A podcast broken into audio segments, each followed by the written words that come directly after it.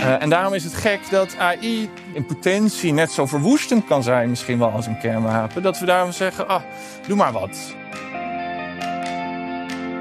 Er is dus geen fysieke aanranding nodig om iemand heel ernstig te schenden. Maak het de ChatGPT, laten vertalen door Google Translate, terug laten vertalen door Google Translate, nog even naar het Italiaans, nog een keer terugvertalen, inleveren, weet niemand. Bam.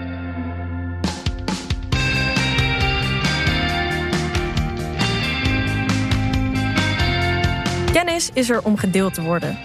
In Utrecht maakt Kennis, een programma van Podium, ontdek je de tofste onderzoeken van de Hogeschool Utrecht van dit moment. Live vanuit de Bibliotheek Neuden zoeken wij tot op de bodem uit wat deze onderzoeken ons kunnen leren over de wereld waarin wij leven. Bezoek Utrecht Maakt Kennis live of abonneer je op de podcast van Podium.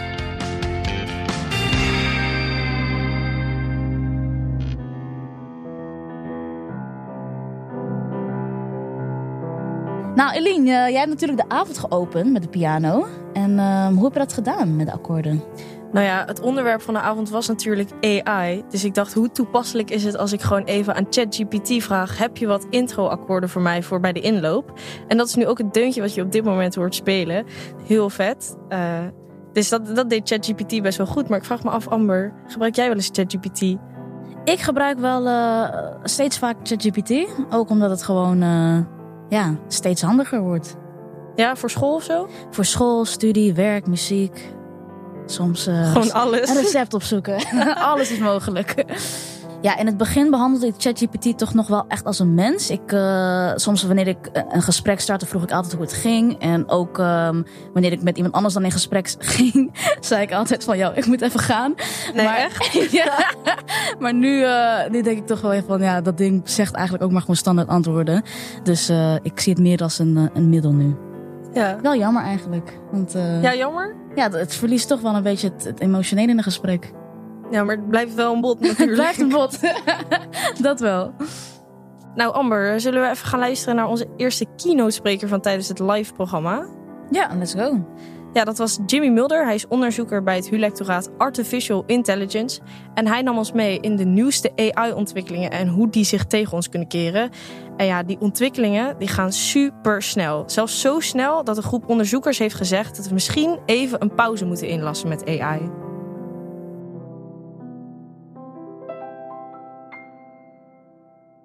Uh, en dan bedoelen ze niet alle AI, dan hebben ze het specifiek over AI die even krachtig is als een model dat GPT-4 heet.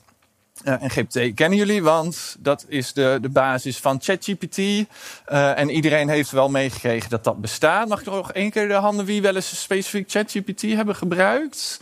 Ja, veel, veel mensen al.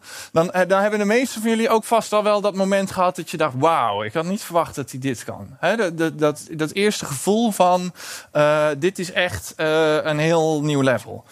Uh, de onderzoekers zelf die dachten dat uh, ChatGPT alleen Engels zou spreken. En die waren verbaasd toen bleek dat hij ook twintig andere talen had geleerd. uh, dus dat is waarom die onderzoekers zeggen: jongens, het gaat wel erg hard. misschien moeten we eventjes afremmen. Wat stellen zij voor? Een pauze van zes maanden waarin we onszelf de vraag stellen: wat willen we nou eigenlijk met dit soort AI? Willen we eigenlijk wel dat uh, machines ons kunnen overspoelen met desinformatie? Willen we eigenlijk wel alle banen automatiseren, ook de leuke? Willen we wel het risico lopen dat we de controle over onze maatschappij verliezen? Uh, en willen we eigenlijk wel, wie, wie, beantwoordt die vragen eigenlijk? Op dit moment zijn dat vaak de tech-CEO's van de Google en de Facebook en de Apples van de wereld. Uh, maar zou dat misschien niet een democratisch gesprek moeten zijn? Dus dat is waarom ze gezegd hebben: laten we eventjes zes maanden pauzeren en nadenken over wetgeving. Nadenken over hoe we AI kunnen gebruiken op een manier dat iedereen er wat aan heeft. Nou ja, Amber, jij vertelde natuurlijk net dat je het uh, ChatGPT wel eens gebruikte voor recepten opzoeken of voor je schoolwerk. Andere mensen gebruiken het bijvoorbeeld weer om plaatjes te genereren en dergelijke. Maar wat is daar nou zo erg aan? Dat klinkt toch best onschuldig? Ja, als je het zo zegt, klinkt het inderdaad onschuldig. Maar je zag ook al in de zaal toen uh, we de vraag stelden van... Um, is ChatGPT gevaarlijk of zijn er angsten ervoor... dat mensen toch wel een meerderheid een hand opstaken? Uh, maar ik ben wel heel benieuwd, waarom is het eigenlijk gevaarlijk? Daar heb ik een paar voorbeelden van. En de eerste is bijvoorbeeld uh, dit nieuwsartikel. Uh, oplichters bootsen de stem van een meisje na en bellen haar moeder uh, om te vertellen dat ze haar gegijzeld hebben en eisen losgeld. Uh, en dan kun je denken, ook hier, we kennen toch uh, oplichters al, al 30 jaar. Hè? De eerste mailtjes van uh, een prins uit Nigeria die een erfenis heeft, die zijn al 30 jaar oud. misschien hebben jullie al wel eens een appje van iemand gekregen die deed alsof die je zoon of je dochter was. Maar wat nieuw is en wat gevaarlijk is, is dat je vroeger toch wel manieren had om te controleren of dat klopte of niet. Hè? Dan kon je iemand bellen en dan vroeg je, ben jij het? Met de nieuwe generatie AI wordt het mogelijk dat je niet alleen de stem, maar ook het gezicht in, in beeld, in video nabootst van iemand. En het wordt steeds moeilijker om uh, te verifiëren wat echt is en wat niet. Om nog te controleren, klopt dit eigenlijk wel? Nou, Amber, toen ik dit hoorde tijdens het live-programma, dat vond ik echt wel lijp. Want ik dacht gelijk aan mijn eigen ouders ik denk dat als die gebeld worden door zo'n AI-bot met mijn stem, dat ik ben gekidnapt, die maken meteen losgeld over. Zijn echt wel stresskipjes wat dat betreft. Dus uh, ja? ja, ik ga toch wel even een gesprekje voeren met mijn ouders hierover, hoe we dat kunnen gaan oplossen. Ja, dan dit vind ik wel echt een heel goed idee. Moet je echt zeker doen. Uh, en wat daarbij minstens zo gevaarlijk is als dat we um, dingen geloven die niet waar zijn, zoals in dit geval, hè, dat we geloven dat iemand gekidnapt is die er niet is, is het misschien wel net zo gevaarlijk dat we stoppen met de dingen te geloven die waar zijn. En daar heb ik ook een illustratie van. Dit is de president van Gabon. En de president van Gabon was ziek. Uh, erg ziek. Zo zie ik dat zijn politieke tegenstanders zeiden hij moet aftreden. En dat duurde maar en dat duurde maar. Mensen werden ongeduldig. Waar blijft die president nou? En toen kwam er een filmpje uit waarin hij zegt: Ik ben er nog, ik ben gezond. Maar er was iets raars aan dat filmpje. Uh, zijn ogen stonden een beetje de andere kant op en, en uh, hij knipperde weinig. En dat was genoeg reden voor zijn oppositie om te zeggen: Dit is een deepfake, trap er niet in. En dat veroorzaakte een staatsgreep. Uiteindelijk hebben de experts ernaar gekeken en gezegd: Waarschijnlijk is het wel een echt filmpje, maar zelfs wij kunnen het niet zien. Dus dat die grens van wat echt is en wat niet vervaagt, dat zie je dat dat ergens uh, ernstige gevolgen kan hebben. Een ander overduidelijk uh, domein is het militaire domein, waar AI veel wordt toegepast. Uh, ik ben recent bij een conferentie geweest over het gebruik van AI in de militaire wereld. En als je naar de mensen op het podium luistert, dan zeggen ze dat ze er heel verantwoord en bewust mee omgaan. Dat ze weten dat daar een groot ethisch vraagstuk ligt. En dat er bijvoorbeeld altijd een human in the loop moet blijven. Dat betekent dat er altijd een mens moet zijn die uiteindelijk de beslissing neemt om wel of niet tot geweld over te gaan. Maar als je goed luistert, dan merk je dat die begrippen al worden opgerekt. En dat ze bijvoorbeeld zeggen, als iemand ochtends programmeert als je dit gezicht ziet, mag je schieten. Dan telt dat al als een menselijke beslissing. Een human in the loop. Als de AI die gezichtsherkenning verkeerd heeft, is er niemand meer die zegt: Doe maar niet, je, je maakt een fout.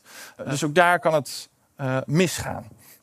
En de, de, andere reden dat ik de connectie met dat militaire maak, is dat, ik krijg er de kriebels van, maar in het militaire domein is in ieder geval heel veel overzicht en regelgeving. En moet je aan de allerhoogste uh, standaarden en veiligheidseisen voldoen. Uh, en daarom is het gek dat AI dat dezelfde ontwrichtende gevolgen kan hebben. Of, of, in potentie net zo verwoestend kan zijn, misschien wel als een kernwapen. Dat we daarom zeggen, ah, doe maar wat. Nou, ik vind dat wel heftig klinken eigenlijk. Ja, ik vind het ook heel zorgwekkend wat hij allemaal zegt. En uh, dat er zoveel gevaren zijn.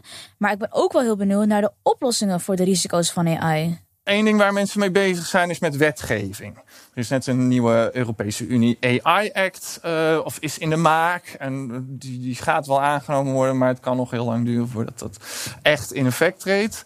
Uh, maar daar doen ze een goede poging om te zeggen: dit zijn hoogrisico-applicaties. Hij gaat tegenwoordig ook over of jij een hypotheek krijgt of niet, of je toeslagen krijgt of niet.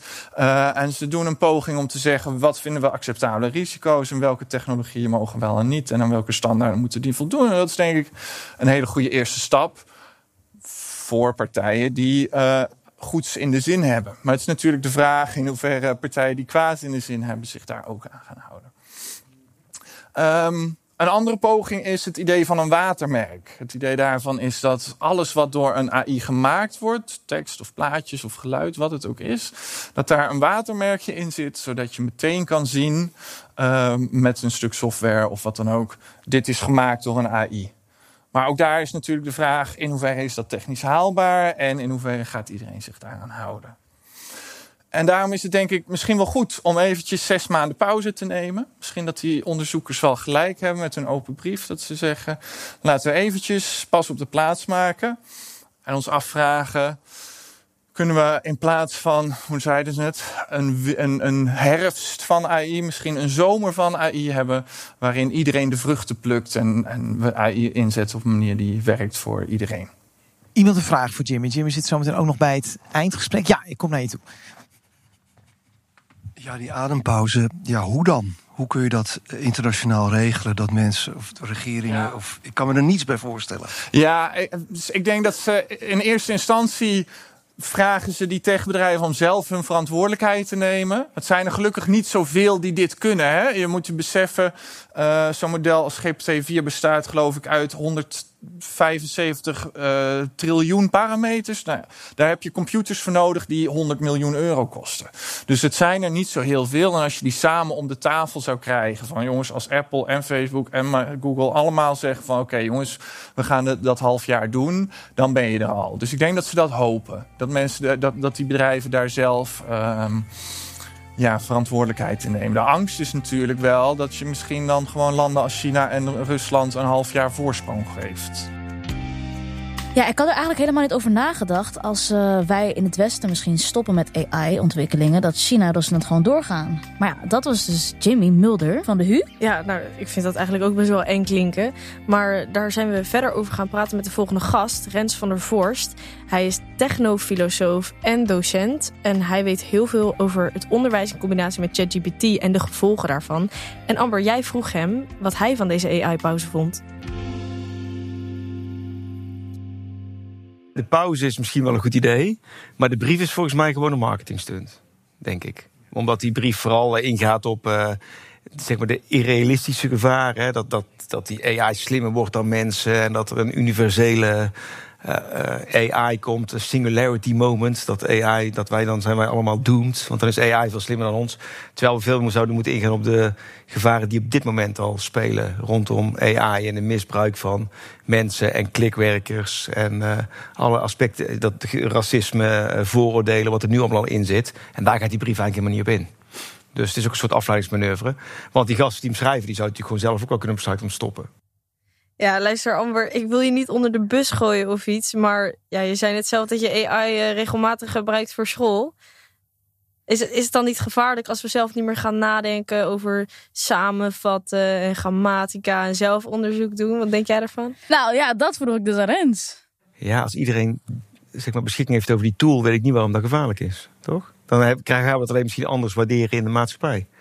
Maar en nog steeds denk ik, als jij, uh, je gebruikt ongetwijfeld Google Translate wel eens, dan moet je echt wel goed, best wel goed Engels kennen om het te gebruiken, toch?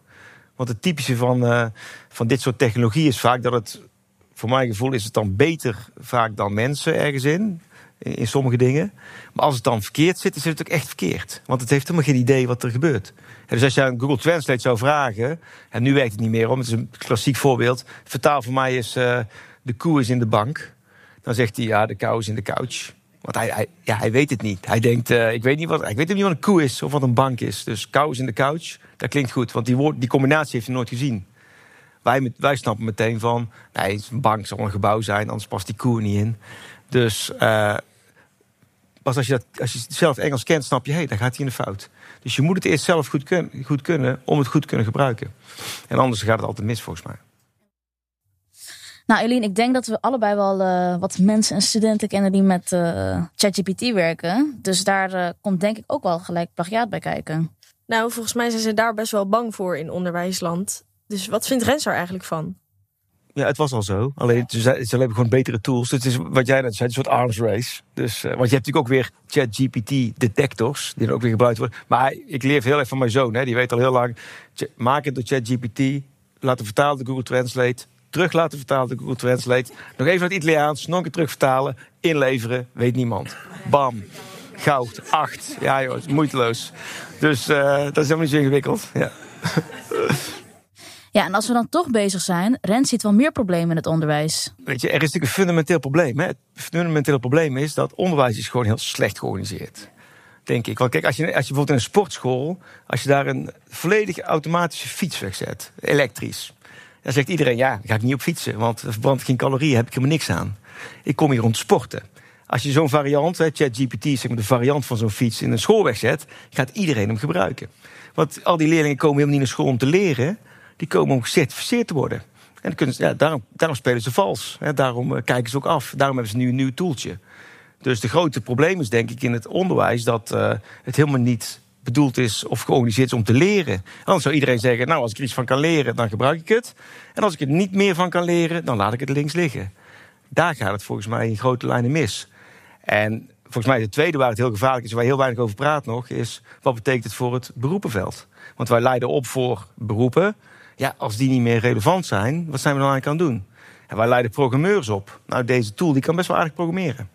Ja, Amber, ik zit zo met mijn journalistieke opleiding te denken. Heb ik straks nog wel een baan? En jij ook?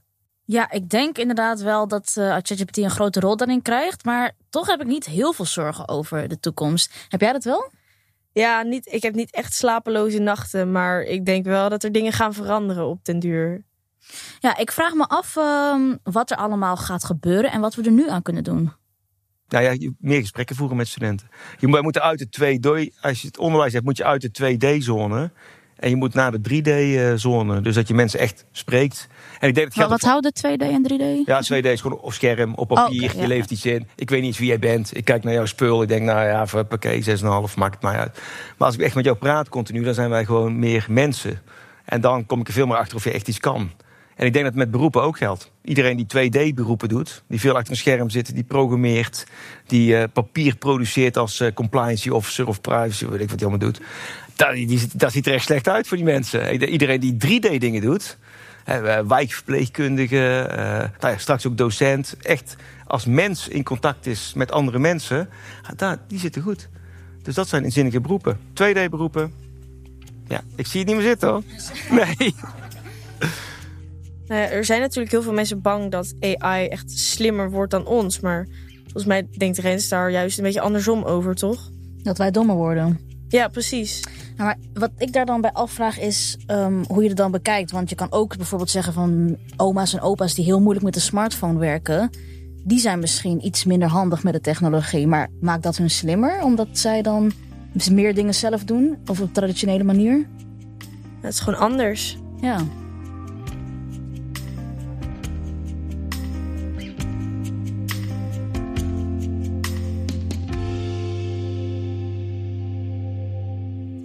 Maar ja, weet je, ik denk dat een van de grote problemen van AI is niet dat AI slimmer wordt dan wij, maar dat wij dommer worden.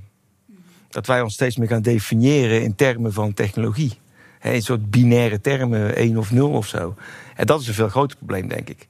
Dus uh, wij moeten veel meer nadenken van wat betekent het nou mensen zijn in tijden van dit soort exponentiële technologie? Wat maakt ons nou uniek? Want wat ons uniek maakt, ja, pas als we dat weten, kunnen we technologie bouwen die ons gaat dienen. En ik denk dat wij dat leerlingen moeten gaan uh, leren. Dus wij moeten veel meteen met onze studenten in gesprek gaan van...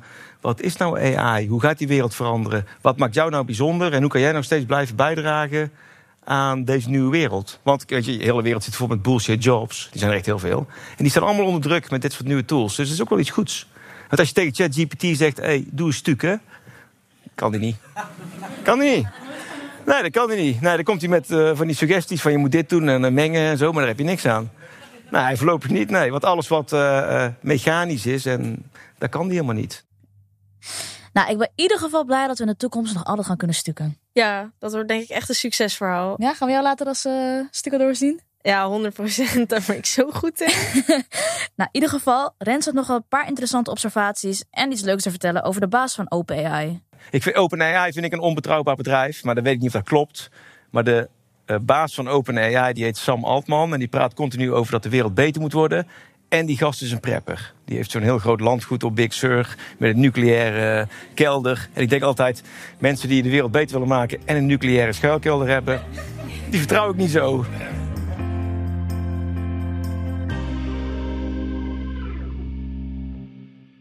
Nou, Amber, even iets heel anders. Stel, er zou van jou een deepfake seksvideo gelekt zijn. Wat zou je daarvan vinden? Ik zou dat eh, zeker niet chill vinden. Ik denk dat ik er wel iets meer peace mee zou hebben, wetende dat het niet ja, echt mezelf is. Maar ik zou het wel heel moeilijk vinden als andere mensen dan denken dat het wel zo is. Dus misschien dat het juist ja, even erg is. Ja, precies. Dat is juist ingewikkeld. Ja. Daarover gaat het onderzoek van Marten Goudsmit Samaritter. Zij vertelt uh, over haar onderzoek naar misbruik van seksueel beeldmateriaal en haar strijd voor een betere wetgeving. En uh, om maar meteen met de deur in huis te vallen, is de vraag: hoe vaak zijn deepfake-video's seksueel? Dat is uh, een hele goede vraag. Het meest recente onderzoek daarvan is uit 2019. Dat specifiek over die vraag ging, maar dat is vier jaar geleden. Dat is in onderzoekstermen recent en in AI-termen eeuwen geleden. Ja. Uh, destijds, het zal niet heel veel veranderd zijn, was uh, 96% van de deepfakes pornografisch. Dus van alle visuele deepfakes was 96% pornografisch. En daarvan was 99 plus procent van vrouwen. Nou, ik vind dat wel echt ongelooflijke cijfers. Ik weet niet hoe het met jou zit, Amber. Ja, ik had niet verwacht dat het zo hoog was. Nee, ik ook niet. Maar waarom worden die deepfakes eigenlijk gemaakt? Ze worden gebruikt om mensen af te persen. Ze worden gebruikt om, om uh, mensen te vernederen, gewoon omdat het kan, zonder, zonder afpersingsmotief. Uh, ze worden ook gebruikt uh, omdat technologie bestaat en te kijken wat het allemaal kan. Um, er, zijn, er zijn ook daar nog niet zo vreselijk veel um, onderzoeken over daders specifiek voor deepfakes, maar in het algemeen voor image-based sexual abuse. En daar valt dus ook daders van deepfakes onder. Uh, zien we dat het gaat over bij de groep horen. Dus dat iedereen in een groep uh, bezig is met uh, naaktfoto's uitdelen. Dat het daar, daar onderdeel van kan zijn. Het kan onderdeel zijn van wat meer traditioneel wraakpornografie genoemd werd. Dus echt wraak nemen op iemand. Al is dat echt maar een klein, klein onderdeel van de motieven. Um, dus echt, hoe gek je het kunt verzinnen, zijn er redenen om, om seksuele deepfakes te maken. Ja. Nou, Amber, jij zei net dat als mensen denken dat een deepfake video een echte video is, dat het eigenlijk net zo erg is. Ja, ik denk oprecht wel dat, uh, dat veel mensen daar zo in staan. En uh, dat blijkt ook uit het onderzoek van Marten zelf.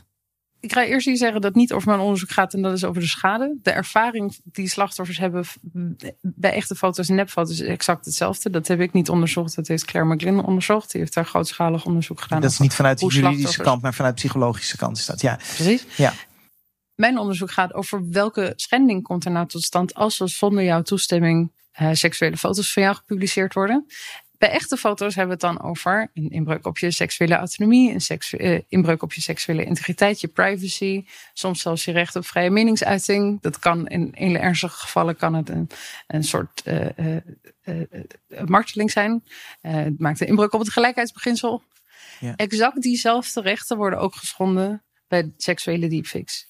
Dus qua rechtenschending is er geen enkel verschil tussen het soort schending dat tot stand komt bij echte foto's en nepfoto's als die zonder jouw toestemming yeah. uh, op seksuele manier worden verspreid. Dus als jij als persoon seksueel ergens gepresenteerd wordt, of dat nou wel of niet een echte foto van jou is, of dat nou wel of niet een echte uh, uh, seksuele foto was oorspronkelijk. Yeah. bikinis foto's kunnen ook heel goed geseksualiseerd worden als ze op een porno-site terechtkomen. Die hebben allemaal uh, hetzelfde soort inbreuk. En omdat ze hetzelfde soort inbreuk maken, kunnen ze heel goed, zouden ze eigenlijk moeten, er is geen zinvol verschil te maken, onder dezelfde wet gevat worden. Ja. Anders zeg je namelijk, als het gaat over nepfoto's, dan maakt het de inbreuk op die autonomie en op die privacy en op die vrije meningsuiting. Dus dat gaan we strafbaar stellen als precies dit uh, misdrijf. En dat noemen we uh, verboden seksuele deepfakes. En als het over echte foto's gaat, dan noemen we exact hetzelfde wetsartikel, maar dan noemen we het misbruik met echte foto's. Dus de tekst van de wet hoeft niet te veranderen. Het wetboek is al heel erg omvangrijk. Hoe meer je dat kunt beperken, hoe beter. En in dit geval denk ik is er geen enkele goede reden om dat te willen splitsen. Ja, nou, we merken dat het met de strafbaarheid van deepfakes nog een beetje ingewikkeld is. Een best wel grijs gebied, maar er komt gelukkig nu wel langzaam verandering in. Alleen, um, ja, wat denk jij daarvan, Eline? Ja, ik ben eigenlijk wel benieuwd hoe het nu verder gaat lopen. Ik ben niet heel erg optimistisch over uh, de toekomstige seksuele deepfakes. Ik denk dat we, dat we uh, deepfakes, visuele deepfakes, uh, eigenlijk als het nieuwe fototoestel moeten, moeten beschouwen. Dat gaat niet meer weg, dat is er. dat zou wel gereguleerd moeten worden. Maar in die piramide die we net gezien hebben in, in, in het praatje van Jimmy, zag je dat deepfakes eh, impersonation, dat dat als een low risk wordt gezien. Dus dat dat in die, in die dingen die straks gereguleerd moeten worden door die AI-wet die eraan komt, op EU-niveau in ieder geval, dat het onderaan de ladder staat van dingen die dringend gereguleerd moeten worden. Dus dat het helemaal niet als een heel ernstig risico wordt gezien. Terwijl de gevolgen heel erg zijn. Die kunnen, kunnen echt allesomvattend zijn. Slachtoffers kunnen eh, helemaal uit hun, uit hun leven gewerkt worden. Dus niet, niet letterlijk vermoord worden, maar uh, een baan kwijtraken, familie kwijtraken, zich niet meer buiten durven vertonen. Zelfs als de omgeving daar eigenlijk helemaal niet zo slecht op reageert. Gewoon zelf heel erg angstig worden. Um, en dus helemaal niet meer deelnemen aan de maatschappij. Alleen maar omdat ze slachtoffer zijn geworden. Niet om te minimaliseren, maar er is dus geen fysieke aanranding nodig om iemand heel ernstig te schenden. Dat is wat ik bedoel met alleen maar omdat ze daarvan slachtoffer zijn geworden. Um, en ik denk dat dat niet weggaat. Ik denk dat dat iets is dat we veel serieuzer moeten nemen dan we nu doen. Uh, en een probleem voor de maatschappij waarin we leven is dat we niet fysieke aanrandingen gewoon niet heel erg serieus nemen.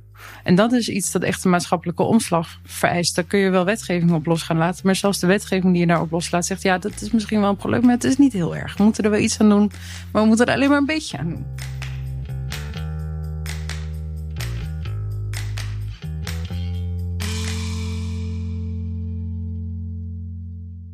Goed, nou ik denk dat het tijd is voor het slotgesprek.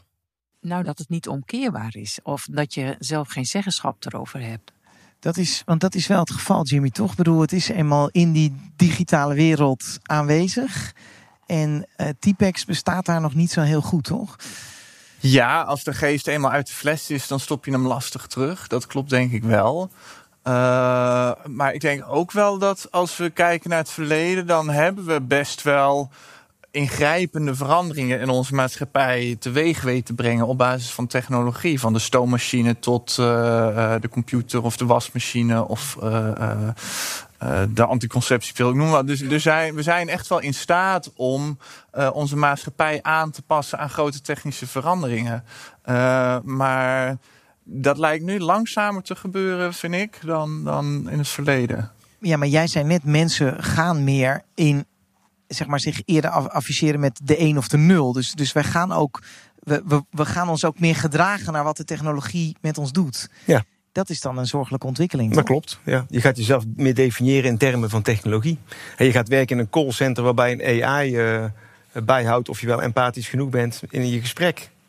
Ja. Ja, je, gaat, uh, je wordt een thuisbezorger. Dan rij je gewoon een beetje achter een app aan. Hè. Wij worden steeds meer vlees aangedreven door een algoritme zo nu en dan. En dan moeten we echt mee stoppen het, juridische kader, dat loopt ook vaak weer achter de technologie aan, toch? Per definitie. Per definitie zelfs, ja, oké. Ja, ja. Uh, ja. Uh, maar laat ik iets positiefs zeggen.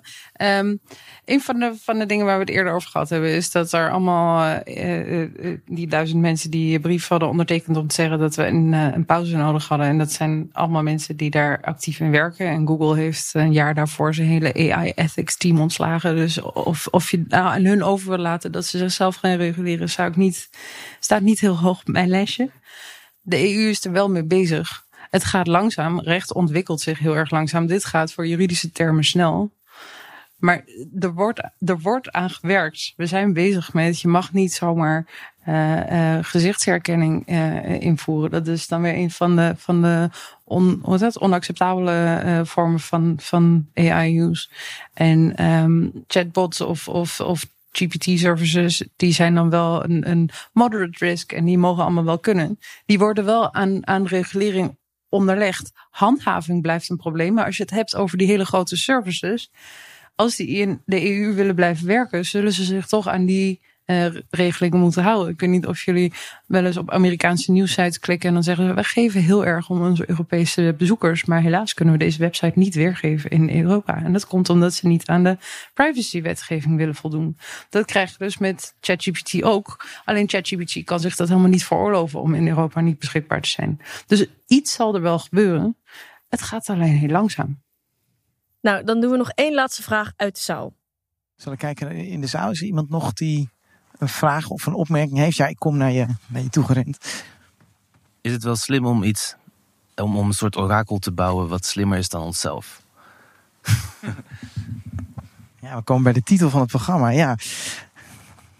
Eh Rens, zullen we bij jou beginnen? Hoe slim is het om iets te bouwen wat misschien wel slimmer is dan wij?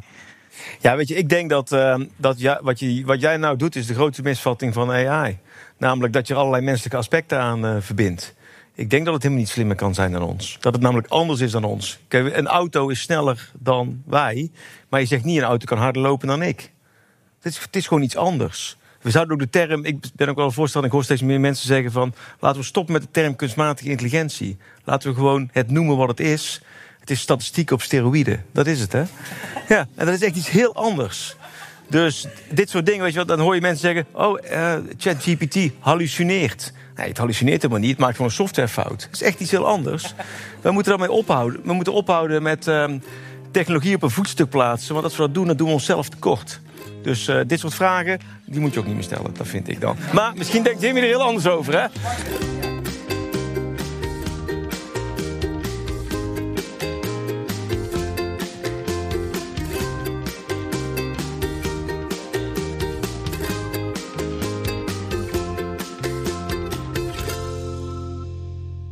Nou, Eline, ik denk dat we in dit programma wel echt ja, een aantal gevaren toch hebben voorbij zien komen. Zoals eh, kernbommen, de deepfakes, eh, statistiek op steroïden.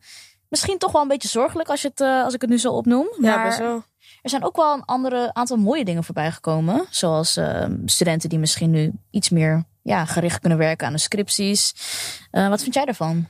Ja, nou, ik vind gewoon dat, dat we gewoon verder moeten met waar we nu mee bezig zijn. Want we kunnen de toekomst natuurlijk niet zelf invullen. Dat is eh, allemaal nog heel erg onzeker.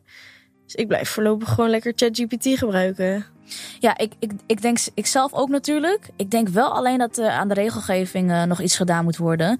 Ja. Ehm, ook wat Marten zei aan het eind, dat, eh, dat, dat klonk best wel zorgelijk. Dus ik hoop dat we daar met z'n allen wel een, een goede weg in kunnen vinden. Maar één ding is zeker, ChatGPT eh, en AI zal zich blijven ontwikkelen. ja, dat denk ik ook. Nou, Amber, zullen we daarmee afsluiten? Ja, ik vind het wel een mooie. Ja, nou, dank voor het luisteren en tot de volgende keer. Doei doei!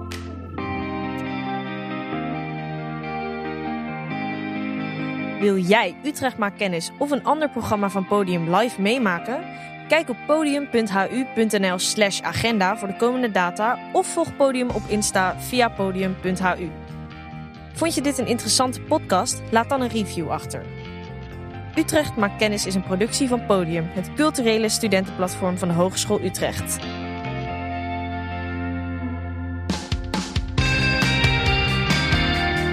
De gasten in deze aflevering waren Jimmy Mulder, Rens van der Vorst en Marten Goudsmit-Samaritter. De live presentatie was in handen van Patrick Nederkorn en Amber Hussein.